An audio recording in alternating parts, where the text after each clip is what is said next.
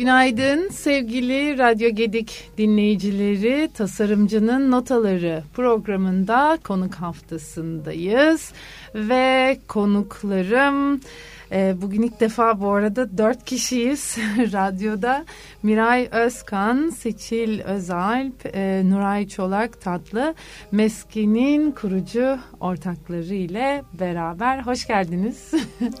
Merhaba, hoş bulduk. Hoş bulduk. Ee, şimdi e, tabii biz e, Mira ile çok daha uzun zaman evvelinden beri e, tanışıyoruz. E, ve işte bugün hani meskini hem tanımak, anlamak ve kentsel dönüşüm kavramına başka bir gözden, başka bir noktadan bakmak için bir aradayız. E, sanırım... E, neleri konuşacağımıza tabii zaten program içerisinde, süreç içerisinde değineceğiz ama biraz meskinin nasıl kurulduğunu veya e, içeriğini, hedeflerini acaba onları böyle bir dinlesek mi? Hayır. Nasıl, kimden dinlesek? ben başlayayım istersen. Olur tabii ki. Ondan sonra seve devam seve. edebiliriz. Miray. Ee, yani aslında biz Seçil'le hep konuşuyorduk. İkim, yani hepimiz üçümüz de e, yani hem çalışan hem de akademik e, araştırmalar yapan kişileriz. Hı hı. E, üçümüzün de doktorası var. Evet. E, işte farklı farklı alanlarda da çalıştık yak, yaklaşık ortalama 15 yıl diyebiliriz bu. Hepimiz için farklılaşıyor ama. Hı hı. E, İMDP ile galiba. İMP ile başlamıştık. İstanbul. Metropolitan Planlama Merkezi'nden tanışıyoruz Seçil'le. E, Nuray'la da odadan tanışıyoruz. Şehir Plancılar Odası'ndan tanışıyoruz. E, yani böyle bir yılların birikimi oldu zamanla. Aha. Hem mesleki deneyim açısından e, birikimi oldu. Hem de bir akademik e, tarafıyla bir birikim oldu. E, yani biraz bağımsızlaşmak, kendi kendi işimizi kurmak, kendi istediğimiz şekilde çalışabilmek, Hı hı. kendi ilkelerimizle hareket edebilmek, hem özerk hem de üretken bir alan oluşturabilmek, teoriyle pratiği birleştirebilmek gibi böyle arkam, arkamızda yani zihnimizde dolaşan şeyler vardı. Ee, Seçil'le de uzun yıllardır da konuşurduk. Yapabilir miyiz? Bir, bir, bir iş kurabilir miyiz Aslında falan çok gibi. zor bir şey yani teori ve pratiği buluşturabiliyor olmak yani mükemmel bir e, şey match ama bir o Zor, kadar evet. da zor yani Zor. çok ciddi bir meydan okuma gerektiriyor diye tahmin ediyorum kağıt Evet. üzerinde konuşurken yazarken aslında hepsi çok rahat kolay da teoriye geldiğinde işin e, etkenleri değişiyor ya o yüzden Yani evet Muhtemelen. bir de yani hepimiz e, sahada hem sahada hem iş dünyasında hem işte kamu kurumlarında deneyimli olduğumuzdan hani teorinin nerede çalışmadığını, pratiğin nasıl teorize edilemediğini yakından görme deneyimi yani deneyimine sahip olduk. Ee, belki böyle bir alan açabiliriz. Ee, bir kendimize işte bir yuva oluşturabiliriz. Bunu belki büyütebiliriz. Hem e, yani katkı koyarak yaşadığımız yere, yaşadığımız dünyaya katkı koyarak mesleki uygulamaları yapmak istiyoruz. Hı hı. E, bunun için böyle bir e, hem alan yaratmak hem severek işimizi yapmak için meskeni kurduk diyebilirim herhalde. Arkadaşlar da katılırsa. Ya bu bağlamda tabii şey kentsel dönüşüme biraz şey e, dokunalım istiyorum. Özellikle hani şu son dönemde de e, işte kanunla da gündeme e, geldiğini düşünürsek yani kentsel dönüşüm aslında nasıl olmalıyken e, nasıl gelişiyor? Doğru bir gidişatı var mı? E, ya da hani daha iyi nasıl olabilir diye belki bu sorular üzerinden değerlendirmek e, şey olabilir, mantıklı olabilir diye düşünüyorum. Ne düşünüyorsun? Ben, ben Nuray bu arada dinleyicilere merhaba diyeyim bu vesileyle. Ee, aslında kentsel dönüşüm kavramını biz çok uzun zamandır tartışıyoruz. Ben üniversitede lisans öğrencisi 2004 girişliyim üniversiteyi. O zamanlarda ama daha e, plancı çerçevesinde şöyle bakılıyordu. Kentsel dönüşüme ihtiyacımız var. Bu bu kadar kamu yönetimindeki iktidar sahiplerinin çok gündeminde değildi o dönemlerde.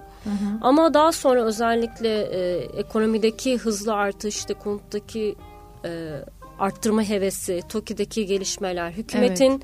daha inşaat odaklı bir sektörel yaklaşıma e, geçmesiyle beraber bütün ülkenin gündemine geldik kentsel dönüşüm meselesi. Ekonomiyi canlandıran da bir parçası e, evet. oldu. İnşaat sektörü zaten Türkiye'de yani 80'lerden beri belki daha eskiden beri önemli bir sektör olarak hep süre geldi. Hı hı. Yani o ekonominin canlandırılması istendiği dönemde inşaat sektörüne yönelik teşviklerin verilmesi sadece son 2000 yıllarda yaşanan bir süreç değildi ama hı hı. bizim kentsel dönüşüme en çok tartışmaya başladığımız dönem aslında 2000 sonrası ve onu da hep yıkıp yeniden yapma üzerinden tartıştık. Aslında kentsel dönüşümü biz literatür anlamında baksaydık daha farklı alanları da olabilirdi ama bizim bugün konuştuğumuz kentsel dönüşüm tamamen yıkıp yerine yenisini hmm. inşa etme. Evet. E, 6306 sayılı yasa asıl işte kentsel dönüşüm kanunu olarak bilinen yasayla da 2012'den sonra e, özellikle hedeflenen iki türlü bir uygulama oldu. Birincisi yapı bazında riskli yapı ilan edilerek aynı yapının yıkılıp yerine aynı parsel üzerinde inşa edilmesi. İkinci alansa rezerv alan ve riskli alanlar ilan edilerek daha bütüncül bir uygulama yapılmasıydı. İstanbul'da riskli alan ilanlarını çok gördük. İstanbul'da evet. bir de rezerv alanımız var. Çok büyük. Kanal İstanbul'un proje alanı aslında 6306 sayılı yasa kapsamında rezerv alan ilan edilen alanlardan biri. Ki Türkiye'de de ilan edilen en büyük rezerv alan. Hı E, rezerv alanın anlamı şuydu. Kentsel dönüşüm yapılacak ama buradaki inşaatın bir kısmının da başka alanlara taşınması lazım. Mesela bunun uygulamasını Esenler'de gördük. Esenler ilçesindeki bir kısım alan onun kuzeyindeki askeri alan rezerv alanı ilan edildiği için oraya taşıma imkanı bulabildi. Hmm. Şimdi son yasadaki değişiklik aslında şunu getirdi. Rezerv alan Evet bir tanımı var kanunda ve kentlerin gelişim alanlarında özellikle kentsel dönüşümden etkilenen insanların da taşınabileceği alanlar olarak tariflenmişken buradaki gelişme alanı ifadesi çıkarıldı kanundan. Hmm. Böyle olunca da şöyle bir durumla karşı karşıya kaldık. Rezerv alanla ilgili bir tanım yok. Rezerv alan şu anki kanunda en son artık resmi gazetede de yayınlandı kanun değişikliği. Ee, bakanlığın ilan ettiği alan olarak tanımlanmış durumda. Ama hangi kritere göre belirleyecek? Ne kadar büyüklükte bir alan olacak? Rezerv alan dediğimiz şey tam olarak nedir? Bununla ilgili biz bir belirli çerçeve göremiyoruz. Temel problem şu anki son yasadaki bu. Peki bu çok net bir şekilde atıyorum. Ben şu an bu mahalledeyim. E, teşvikiyedeyim, oturuyorum. Benim binam e, hasarlı e, ve benim gitmem ve bunun yenilenmesi gerekiyor e, o zaman e, ben para şey ve, veremiyorum. Çıkartılıyorum buradan gönderiliyorum. Ama bu daha yeni ve farklı bir bina örneğiyle yapılıyor. Benim yerime bunu e, daha iyi e, karşılayabilecek birisi geliyor. Buna biz gentrification demiyor muyduk? Bu aslında gentrification'dan daha farklı. Çünkü şimdi gentrification'da kısmen geldi. şey de olurdu yani o kavramın içinde bir süreç için yani kendi doğasında da gelişen bir süreç olarak gentrification'ı görüyoruz. Hı hı. Burada doğrudan kamunun müdahalesi söz konusu. Ve bu müdahale etme yetkisinin de aslında ne kadar tanımlı ve denetlenebilir olduğu meselesi bence kritik. Normalde devletlerin böyle müdahale yetkisi her zaman vardır ki planlama zaten bunun özüdür yani. Planlama dediğiniz şey hı hı. mülkiyeti denetlemek üzere verilen bir yetki aslında kamu kurumlarına. Yani şöyle bir esnekliğimiz var biz plancı olarak. Yani sizin bir arsanız var ve bu arsada isterseniz gökdelen yapabiliyorsunuz, isterseniz iki katlı yapı yapabiliyorsunuz. Bunu kendiniz belirleyemiyorsunuz. Kamu zaten diyor ki en başta ben planlamayla sizin arsanızı nasıl kullanacağınıza karar vereceğim. Hı hı. Bunu da hangi meşru gerekçeyle yapıyor? Kamu yararı adına yapıyor. Diyor ki buradaki herkesin ortak çıkarlarını ben gözeterek bir plan kararı vereceğim. Siz de buna uygun arazinizi kullanacaksınız kentsel dönüşüm yasasıyla getirilen aslında bu yetkiyi biraz daha muğlak hale getirmek. Yani şu eskiden de vardı. Yani sizin yapınızı bir herhangi bir iş mesela maliklerden biri gidip riskli yapı ilan ettirebiliyordu. Hı hı. Sonra da sizin 2 bölü 3 çoğunluktan olmadığınız durumda sizin dairenizi devlet kamulaştırıp sizi oradan bedelini ödeyerek çıkarabiliyordu. Bu zaten vardı. Şu an aslında yasayla bu tam değişmedi. Sadece şöyle bir değişiklik daha oldu. 2 bölü 3 çoğunluk %50'nin üzerine geçti. Yani salt çoğunlukla 50 bir artı biri sağlayan hı hı. e, geri kalanı tasfiye edebilecek. Oradaki oran biraz değişmiş oldu. Altı mücizat zaten kökünden itibaren mülkiyet hakkını kısmen kısıtlayan, onu belli çerçevelerle Hı. sınırlayan bir yasaydı yani. Peki e, planlamada sürdürülebilirlik kavramını nasıl ele almalıyız bu bağlamda baktığımız zaman? Yani sürdürülebilirlik e, dediğimiz e, konu nasıl gelişebilir? Yani sürdürülebilirlik e, e, çok özellikle uluslararası kuruluşlar tarafından kullanılan hı hı. E, ama e, başka bir sürü kurum ya da kişi tarafından da kullanılan bir sözcük. Biraz muğlak olabilir. Hepimiz kullanıyoruz. Evet, e, temelde yani işte gelecek nesillere. Psikolojik e, bağlamda bile kullanıyoruz. Yani insan evet. psikolojisinin iyileştirilmesi için nasıl daha sürdürülebilir bir evet. e, zihne sahip olabilirim? Ya da düşünce yapısına sahip olabilirim. Evet. Var olmak için. Varoluşçuluktan bile gidiyor. Her şeyin sürdürülebilirliği olabilir tabii Kesinlikle. ki. İçine çok fazla anlam yüklenmiş bir sözcük ama özellikle e, bu günümüzdeki ekolojik kriz iklim krizi döneminde hı hı. sürdürülebilirlik ekstra bir anlam kazanıyor. Hı hı.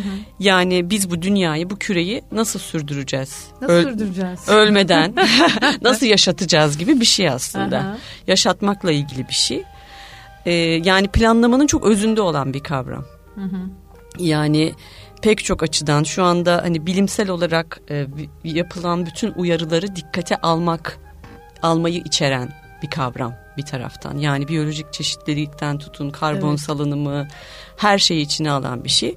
Fakat işte sürdürülebilir kalkınma diye bir şey var Birleşmiş Milletler tarafından geliştirilen. O da hani madem ekonomik olarak büyüyoruz bunu daha sürdürülebilir yapmalıyız ki hı hı. işte daha e, adil bir ve şey bir e, dünyaya kavuşalım. E, Açılımını tık tık diye sıralama şansımız var mı? Sürdürülebilirliğin mi? Evet planlamada işte bu e, şeyde. Aslında belki biraz şey diye yorumlayabiliriz. Yani ekonomi, ekoloji ve e, sosyal uyum gibi hepsinin birlikte işlediği e, bir sistemden bahsediyoruz sürdürülebilirlik dediğimiz zaman. Hı hı. Son dönemde tabii ki iklim değişikliğiyle birlikte bunun ekolojik boyutu ağır basıyor ama e, ekonomik kısımda da artık e, bu ekolojiyle iç içe geçmiş durumda. İşte sürdürülebilir ekonomiler daha yeşil ekonomiler, mavi ekonomiler gibi e, kavramlar ortaya çıkmaya başladı. Daha çevreye zarar vermeden biz nasıl ekonomiyi sürdürülebiliriz gibi yani üst ölçekten baktığımızda bu şekilde ama kentsel ölçeğe indiğimizde tabii e, bambaşka şeylere de e, farklı parametreler yer açıyor. Geliyor. Evet belki oralarda biraz daha hani kentsel ölçeğe indiğimizde mobiliteden bahsedebiliriz. İşte hmm. 15 dakikalık yürüyüş mesafesinde e, erişilebilirlikten bahsedebiliriz. Bu tip böyle daha alt ölçeklere de inebilir. Tabii bu bağlamda da tasarıma yön veren etkileri de olacaktır. Yani o bahsettiğin mesela o 15 dakikalık yürüme mesafesinde aslında o pedestrian dedim yani o yaya sirkülasyonu, yolların genişlikleri bunların hepsi böyle pıt pıt pıt birbirlerine etkileyen konular olarak e, şey masaya oturuyor. E, kentsel politikayı e, peki tasarım bakışı açısından bir yorumlama e, biçimimiz olabilir mi? Yorumlayabilir miyiz? E, olabilir tabii ki. E, yani hem belki daha önce konuştuklarımızı da birleştirerek yani hmm. hem işte kentsel dönüşüm yasasının şu an Türkiye'deki durumundan bahsettik. Oysa evet. ki biz kentsel dönüşümle daha sürdürülebilir yaşamlar oluşturabilmeyi hedefliyoruz hı hı. diyebiliriz belki. Hedeflemeliyiz ya da. Çünkü tabii. yani e, dünyanın yüzde elliden fazlası artık kentsel ve kentsel yaşamın e, çev hem çevreye daha az zarar vermesi hı hı. E, hem de daha e, geleceğe daha e, aydınlık bir şekilde bizi sürdürmesi için e, yeni bir yaklaşım, yeni yaklaşımlar geliştirilmesi gerekiyor. E, bu bu anlamda politika politika üretirken de e, yani politikaları tasarlarken de e, sadece işte e, sorunun mühendislik çözümüyle bir tasarım süreci değil de e, bu bütün bu e, sorun çözümü tasarımını bir e, kolektif tasarım hı hı. Olarak düşünmek gerekiyor. Yani işte insanlarla beraber, kurumlarla beraber, e, tüm paydaşları içine dahil ederek diğer ve ihtiyaç, diğer disiplinleri bir araya getirerek, ihtiyaçları anlamaya çalışarak, ihti, hı hı. daha ihtiyaç ve hak temelli bir yerden e, çözmeye çalışarak sorunları böyle bir tasarım yaklaşımı getirilebilir. Yani işte buna siz design thinking dersiniz isterseniz. İşte biz genelde stratejik planlama yaklaşımıyla eğitiliyoruz hmm. e, şeyde planlama disiplininde. Ama biraz daha buna artık tasarımı da e, katan bakış açıları var. Buradan Faruk Göksu'ya selam söyleyelim. e, o bu konuda çok çaba sarf ediyor gerçekten. Çünkü evet. aslında bir tasarım problemi çözüyoruz bir yandan. Büyük ölçekte. Yani büyük ölçekte bir tasarım problemi. İsterseniz buna mekansal boyut katabilirsiniz. İsterseniz hem mekansal hem toplumsal hem ekonomik boyut katabilirsiniz. Sonuçta hı hı. bir e, yani tasarım dediğiniz şey bir sorunu çözmeye yönelik e, oluşturduğunuz e, süreç gibi düşünürsek ya da bir ürüne doğru o süreci tasarlamak gibi bir şey olarak düşünürseniz. Sorunun cevabını çaldım benden. Bunu programın sonunda sonuyorum. Soruyordum.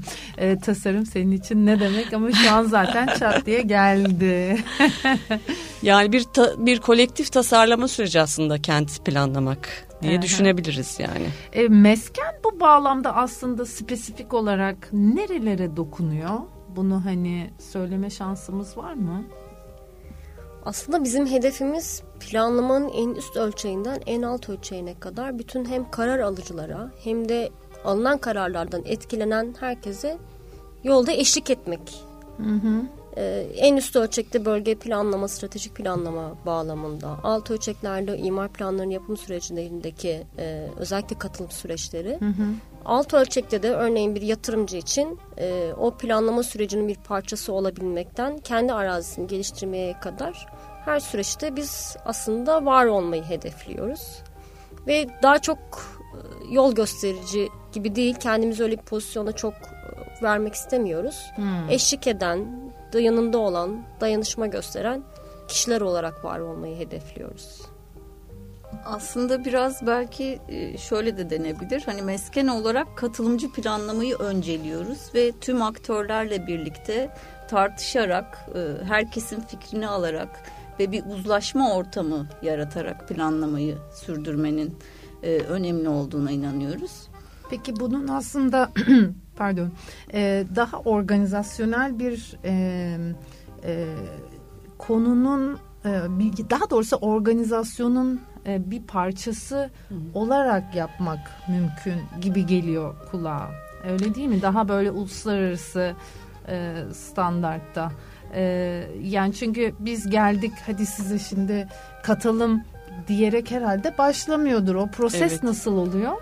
E, o proses biraz ihtiyaçlara göre belirleniyor aslında. Hem kurumların hem de e, yani organizasyon dediğini kurum olarak algılıyorum evet. biraz. Yani hem kurumların hem kişilerin e, bir takım ihtiyaçları var mekanla ilişkili olarak o mekanı dönüştürmeye değiştirmeye yönelik hı hı. olarak e, o zaman biz bu sürece eşlik ederken o kurumun onu yapma sürecine eşlik ediyor oluyoruz ama işte her her projeye, her kentsel işe de eşlik etmeme gibi bir yaklaşımımız da var. Evet. Bu e, biraz baş, başta konuştuğumuz gibi yani dünyanın nereye doğru gitmesi gerektiğine dair bizim de bir takım ideolojik ilkesel fikirlerimiz var. Hı hı. Yani daha çevreci bir yere gitmesini yani çevreyle daha barışık bir yere gitmesini hı hı. işte yaşamla daha barışık daha adil bir yere gitmesini isteyen insanlarız. Bu yüzden de zaten bu meskeni kurduk. Yani dünya bizim meskenimiz. Buraya sahip çıkmak için bunu yapıyoruz. Evet. E, dolayısıyla böyle bir e, çerçeveden bu, bu benzer e, fikirlerde olduğumuz ya da yaklaşabildiğimiz, ortak paydaşta buluşabildiğimiz kurumlarla, sivil hı hı. toplumla, kişilerle onların sorun çözme, kentsel alanda sorun çözmelerine eşlik eden bir süreç izliyoruz. Yani bu da şu anlama geliyor. İlk önce onların anlamaya çalışıyoruz. Hı hı. Onların ihtiyaçlarını, beklentilerini, neyi nasıl çözmek istediklerini anlamaya çalışıyoruz. Ve sonra biz bunu kentsel alanda uzmanlık bilgimizi getirerek e, o, o sorunu çözebilecekleri hem e, katılım çerçevesini oluşturuyoruz. Kimlerle çözebiliriz bu sorunu? Onları ortaya koyuyoruz. Sonra o kişilerle nasıl e, iletişim kurarak bunu çözebiliriz? Bunu ortaya hı hı. koyuyoruz. Buna interdisipliner bilgileri de eklemeye çalışıyoruz. Kendi uzmanlık, kendi deneyimlerimizden gelen uzmanlığımızı da eklemeye çalışıyoruz.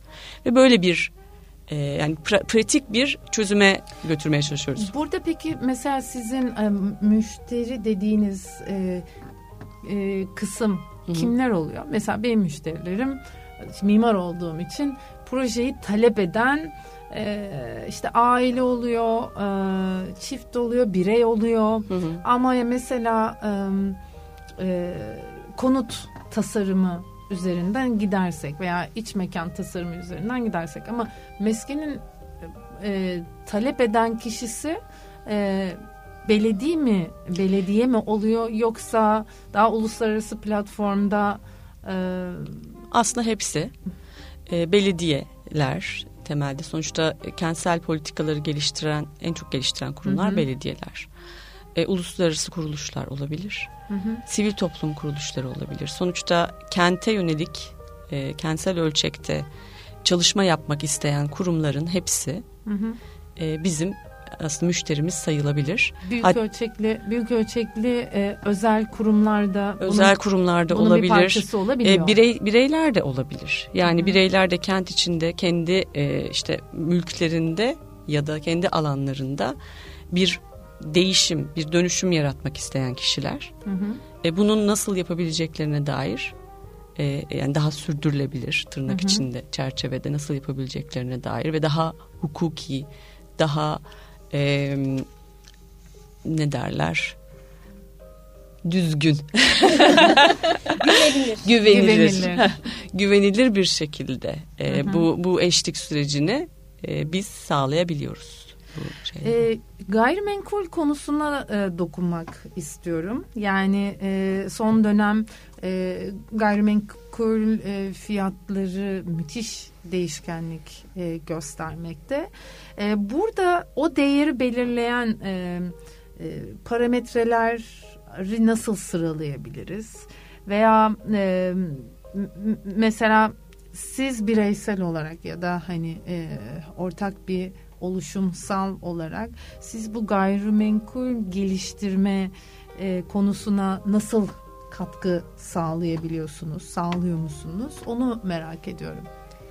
Ee, baştan başlayayım o zaman. Ee, yani sorunuzun ilk kısmından başlayayım. Tamam olur. Ee, gayrimenkulün değerinin aslında e, o konuda çalışanların söylediği konum konum konum diye bir e, replik vardır. Konum konum konum. Yani önemli olan gerçekten öncelikle konumdur. Yani bir Hı-hı. arazinin, arsanın, konutun ne olursa olsun taksi durağının. Bugünkü konutu. Yani. Bugünkü. Yani mevcut konumu her şey için temel kriter. Bu konum bazı yerlerde tamamen coğrafik niteliklerle belirlenir. Yani İstanbul'un boğazda olması gibi yani bir dünyada eşi benzeri olmayan coğrafyada oturan bir kentin başlı başına zaten konumsal değeri var. Hı hı. İkincisi insan eliyle yaratılmış bazı unsurlara yakınlık bir değer verebilir ki planlama zaten burada bir rol oynamış oluyor. Yani biz bir yeşil alan tasarlayarak yanındaki araziye bir değer katmış da olabiliriz. Hı hı. Birinci mesele bu. Türkiye'deki piyasanın da temel problemi ekonomideki biraz belirsizliklerle paralel gidiyor. Yani ekonomi ne kadar belirsizse gayrimenkul sektöründeki fiyatlar da bu kadar değişken oluyor. Ee, siz 6 ay sonrasını öngöremediğiniz bir ortamda fiyat belirlemekte de herkes çok zorlanıyor. Ve özellikle yatırım araçlarının kısıtlandığı ortamda da gayrimenkul temel yatırım araçlarından biri haline geliyor. Bu, de, bu defa da spekülasyon çok artıyor. Orada fiyatın arz talep dengesinde oturması biraz zaman alıyor. Yani son bir yıldır yaşadığımız biraz buydu. Bugün hı hı. bunun bir kısım dengeye geldiği konuşuluyor. Fiyatlarda düşme bekleyenler var. Bir kısım dolar bazında zaten düştüğünü de iddia eden e, çalışmalar var. Ama Türkiye için şöyle bir gerçeklik var. Konut ihtiyacı her zaman için canlı. Hı hı. Sadece yurt dışından gelen yatırımcı için değil, Türkiye'nin kendi içinde de zaten nüfusunun istediği bir konut talebi var. Sektördeki temel problemlerden biri bu konut talebiyle e, üretilen konutların niteliğinin örtüşmemesi gibi. Şu anki durum öyle gösteriyor. Yani bizim daha alt gelir grubuna, üst orta gelir grubuna ya da orta gelir grubuna konut talebi canlı olduğu bir ortamda daha üst segmentlere konut ürettiğimiz bir dönem yaşadık. Bununla ilgili bir temel problem var. Hı hı. Biz bu aşamada neler yapabiliyoruz gayrimenkul geliştirmek isteyenlere de şöyle bir durum var orada da. Bizim aslında müdahale olduğumuz kısımlar biraz problemlerin kilitlendiği noktada olabilir problemlerin kilitlendiği nokta. Normal şartlarda siz bir yatırımcısınız, araziniz var, imar planında hiçbir problem yok. Zaten çok hızlı bir şekilde konutunuz yani inşaat üretebiliyorsunuz. Orada proje geliştirmekle ilgili bir sıkıntı olmuyor. Proje geliştirmenin tıkandığı noktalarda ya mevzuattan kaynaklanan problem olabilir ya iletişimde sıkıntı olmuş olabilir ya plandan kaynaklanan uygulama problemleri olabilir. Ee, biz orada biraz aracı oluyoruz. Problemin gerçek nedenini öncelikle saptamaya çalışıyoruz. Nerede tıkanıyor? Nerede müdahale etmek gerekir? Nasıl yöntemler olabilir? Ee, Miray'ın biraz önce bahsettiği gibi kimle görüşülmesi gerekir? Burada muhatap kurum kim? Hı hı. Türkiye'de bir de şöyle bir problem var. Ee, çok fazla yetkili kurum var. Hangi aşamada hangi sorunun hangi kademede çözülmesi gerektiği konusunda da yatırımcılar için muğlak bir ortam var. Biz orada daha netlik sağlıyoruz yatırımcıya e, muhatabı doğrudan yönlendirebiliyoruz. Hı hı. İşte kadastro müdürlüğü ise kadastro müdürlüğü, tarım müdürlüğü ise tarım müdürlüğü. E, Yapılması işte, gereken sıralı bazı işlemler evet, varsa. İlçe belediyesi mi, büyükşehir belediyesi mi, bakanlık mı? Vesaire evet. o e, e, imara götürecek belki de hani imarla ilgili sıkışmış olduğu konu varsa veya bir bölü beş binlerde belediyede askıya çıkmışsa plan notları onun takibi de diyebilir miyiz? Onun, Onun takibi de var. Ama bence temel insanların yaşadığı sıkıntılardan biri e, muhatabın kim olduğunu bulamamak oluyor.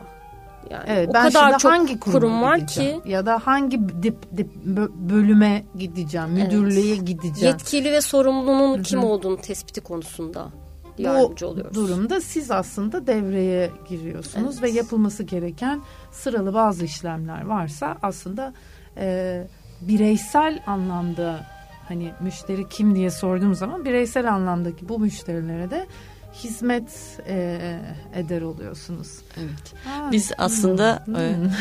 e, e, bu e, yetki karmaşasını e, çünkü yani şöyle bir şey yok. E, bir hani bir insan e, şey gibi vatandaşlık bilgisindeki sorunlar gibi.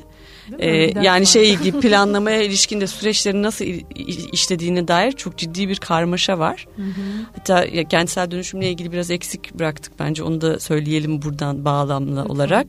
Yani bu bütün bu kentsel dönüşüm yasaları aslında çok e, gücü merkezileştiren bir durumu ortaya koyuyor. Yani bir İstanbul'un bir mahallesindeki yapılaşmayı e, Ankara'daki bir bakanlık hatta yani Bakanlar Kurulu gibi böyle bir belir onun onu o belirliyor haline geliyor. Hmm. Bu da aslında normal şartlarda biz biraz daha yani vatandaş bilmelidir. Oradaki arazisindeki kısıtlar nedir? Ne yapabilir, ne yapamaz? İşte mahallesindeki olabilecek kullanımlar nedir? E, işte neye ihtiyacı vardır bunu kolay algılayabilmeli ve bunu kolay talep etmeli diye Doğru. isteriz. Hı hı. E bunun da bu da ancak hani işte ilçe belediyeleri, büyükşehir belediyelerinde bu yollar çok daha kolay olur. Çünkü belediyeler çok daha vatandaşla yakın ilişki kurabilecek düzeyde yönetim alanları. Hı hı. E, ama şimdi bu işler o kadar karışık ki yani bakanlığın farklı farklı bakanlıkların farklı yetkileri var e, işte ilçe belediyelerinin yetkilerinin ne olduğunu, büyükşehirin ne olduğunu bir vatandaşın anlayabilmesi gerçekten çok zor. Çok zor. E, bu buradan böyle bir fırsat bulduk kendimize diyebiliriz. Bir, ikincisi çok bu spekülatif bir ortam olduğu için çok da fazla aktör var bu tür işleri yapan hı hı. ve e, yani bu boşluklardan faydalanmaya çalışan. O yüzden biraz daha güvenilir bir yol göstericiye ya da yol gösterici demeyelim de eşlikçiye hı hı. ihtiyacı olduğunu düşünüyoruz. Hem insanların hem de e, kurumların. Ee, evet yani bu arada benim kendime aldığım notlarda bazılarına e, aktarabildim. Bazıları e, kaldı gibi görünüyor ama küçük küçük onlara da değindik. E, programın sonuna geldik çünkü e, bir programın daha e, sonuna bu şekilde gelindi. E, zaman ayırıp geldiğiniz için çok teşekkür ediyorum ayrı ayrı. Biz teşekkür ederiz. E, meskeni tanıma fırsatımız oldu bu bağlamda. E, her zaman olduğu gibi tabii e, gene konuk haftasında da bir e, şarkıyla e, kapatıyor olacağım. E, hangi şarkıyla kapatalım e, sevgili arkadaşlar? Benim Burada... son birkaç yıldır e, çok sevdiğim bir şarkı bu. Arkadaşlarıma da empoze ettim. Sirens of Jupiter diye bir şarkı. The Olympians isimli evet. gruptan. Evet o zaman hep beraber dinliyoruz. Ee, bir sonraki hafta gene playlist haftasıyla karşınızda olacağım. Ee, sevgiyle kalın, hoşça kalın. İyi haftalar diliyorum. Müzik